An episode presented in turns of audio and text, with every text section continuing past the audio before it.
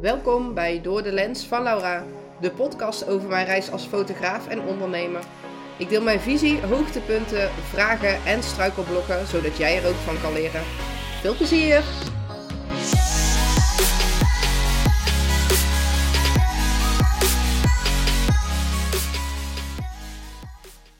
Super leuk dat je luistert naar een nieuwe aflevering van deze podcast.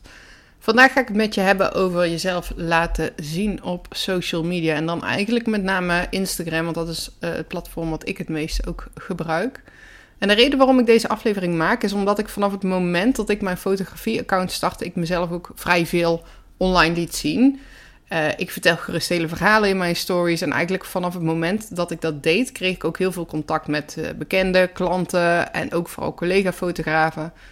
En mensen vonden het echt wel leuk wat ik uh, deed en wat ik eigenlijk ook nog steeds doe. Maar ik kreeg ook heel veel vragen van andere fotografen met ik kan dat niet en hoe doe je dat? En dat zette mij dus eigenlijk aan het denken.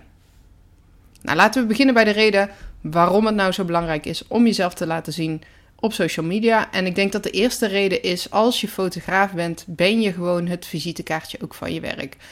Um, natuurlijk is het aanbod en de foto's die je laat zien Um, ja, dat is natuurlijk ook een visitekaartje, maar jij bent degene hè, waar ze mee gaan werken.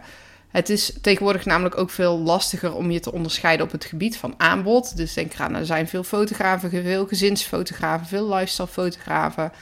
Uh, maar jij bent jij en ik ben ik.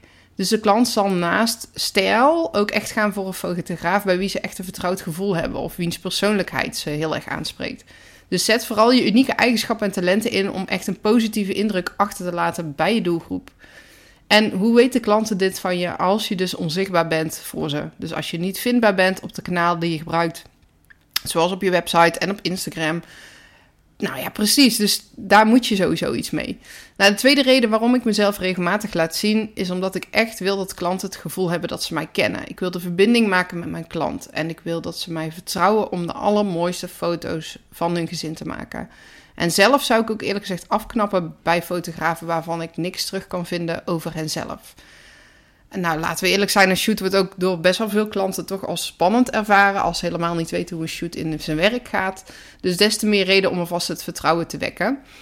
Uh, ik bedenk me nu toevallig ook bijvoorbeeld, hè, ik spreek vaak af op een buitenlocatie. En voor een gezin is het gewoon, of een koppel, of net wat je op dat moment gaat shooten, is het gewoon veel fijner dat ze al um, een gezicht in hun hoofd hebben. Oh, naar die persoon moet ik uitkijken. En dat ja, voelt dan net iets fijner natuurlijk. Ten derde probeer ik ook echt meer te werken volgens het principe know, like and trust. Naar aanleiding van de talk die ik bijwoonde door Reiza Zwart, um, mocht je meer over het principe know, like and trust willen horen, luister dan vooral naar haar podcast. Volgens mij was het aflevering 34. Die ging daar specifiek over. En ik zal even de omschrijving uh, voor je voorlezen. Want no like and trust, zegt zij, is een formule om te zorgen dat mensen je leren kennen, een connectie met je gaan voelen en leren vertrouwen. Zodat je uiteindelijk makkelijker en authentieker kunt verkopen aan de juiste klanten. In de podcast legt zij dus die drie belangrijke begrippen aan je uit en krijg je ook tips. Dus een dikke aanrader om die na afloop van deze aflevering natuurlijk eens te luisteren. En ik denk ook vooral door om de zoveel tijd je gezicht te laten zien, zullen volgers gewoon een beter gevoel krijgen over wie je bent en wat je doet. En dat is fijn, want op die manier ben je in staat om vertrouwen met ze op te bouwen. En wanneer je volgens je vertrouwen, zullen ze ook sneller geneigd zijn om je aanbod serieus te overwegen. Nou, tot slot laat ik mezelf ook zeker zien om mijn kernwaarden uit te stralen. Mijn kernwaarden zijn op dit moment plezier, verbinding, liefde en verhalen. En die wil ik naar voren laten komen. Zowel in mijn posts als in mijn stories. En ook als je op mijn website kijkt, kom je uh, teksten tegen als mijn missie is om je liefdevolle foto's te geven die jullie verhaal vertellen. En ook op basis daarvan heb ik nagedacht van hoe ik dat verhalende en dat plezier, die kernwaarden naar voren kan brengen. En dat doe ik onder andere bijvoorbeeld door alleen nog maar reels of carouselposts, of in ieder geval meerdere foto's bij elkaar te plaatsen. Um, maar ook door zelf plezier en verbinding te zoeken met mijn klanten, plezier uit te stralen. Dus door zelf dat plezier uit te stralen in mijn werk als fotograaf, hoop ik ook echt dat klanten dat zien en dat ook zo gaan ervaren. Dus dat ze denken: hé, hey, dat is echt een fotograaf die enthousiast is en uh, plezier met mijn kinderen of uh, in ieder geval de connectie aan wil gaan.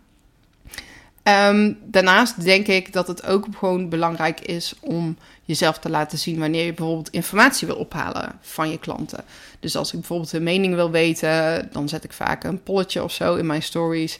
Maar ik denk dat ze daarop sneller zullen reageren op het moment dat ze het idee hebben dat ze je kennen of dat ze je in ieder geval leuk vinden.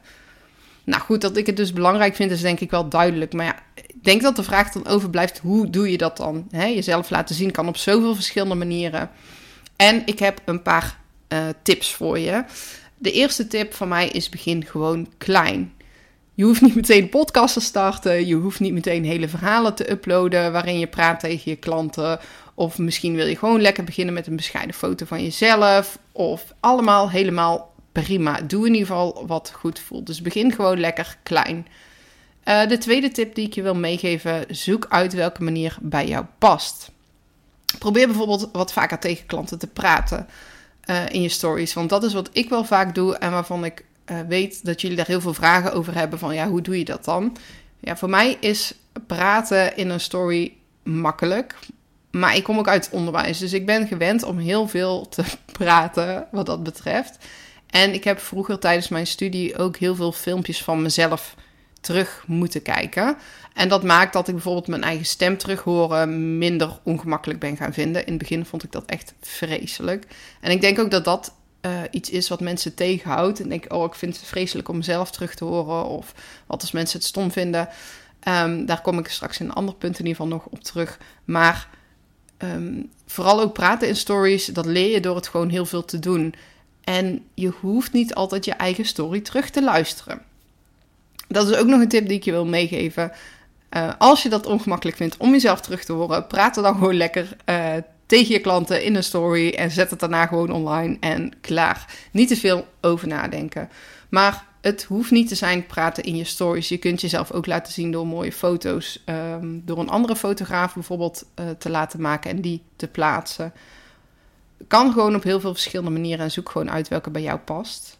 De derde tip is bedenk welke informatie je wel en niet wilt delen.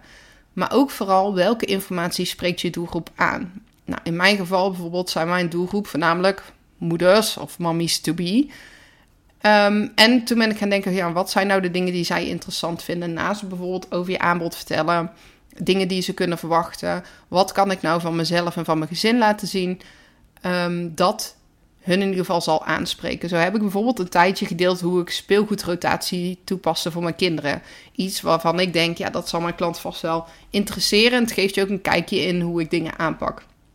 Dus ik denk dat het ook soms belangrijk is om niet alleen over je aanbod, maar ook wat te vertellen over jouw leven en wat er speelt. Probeer hierbij alleen wel goed na te denken over de privacy van je kinderen, van je gezin of van je partner. Want je hoeft niet altijd alles te delen.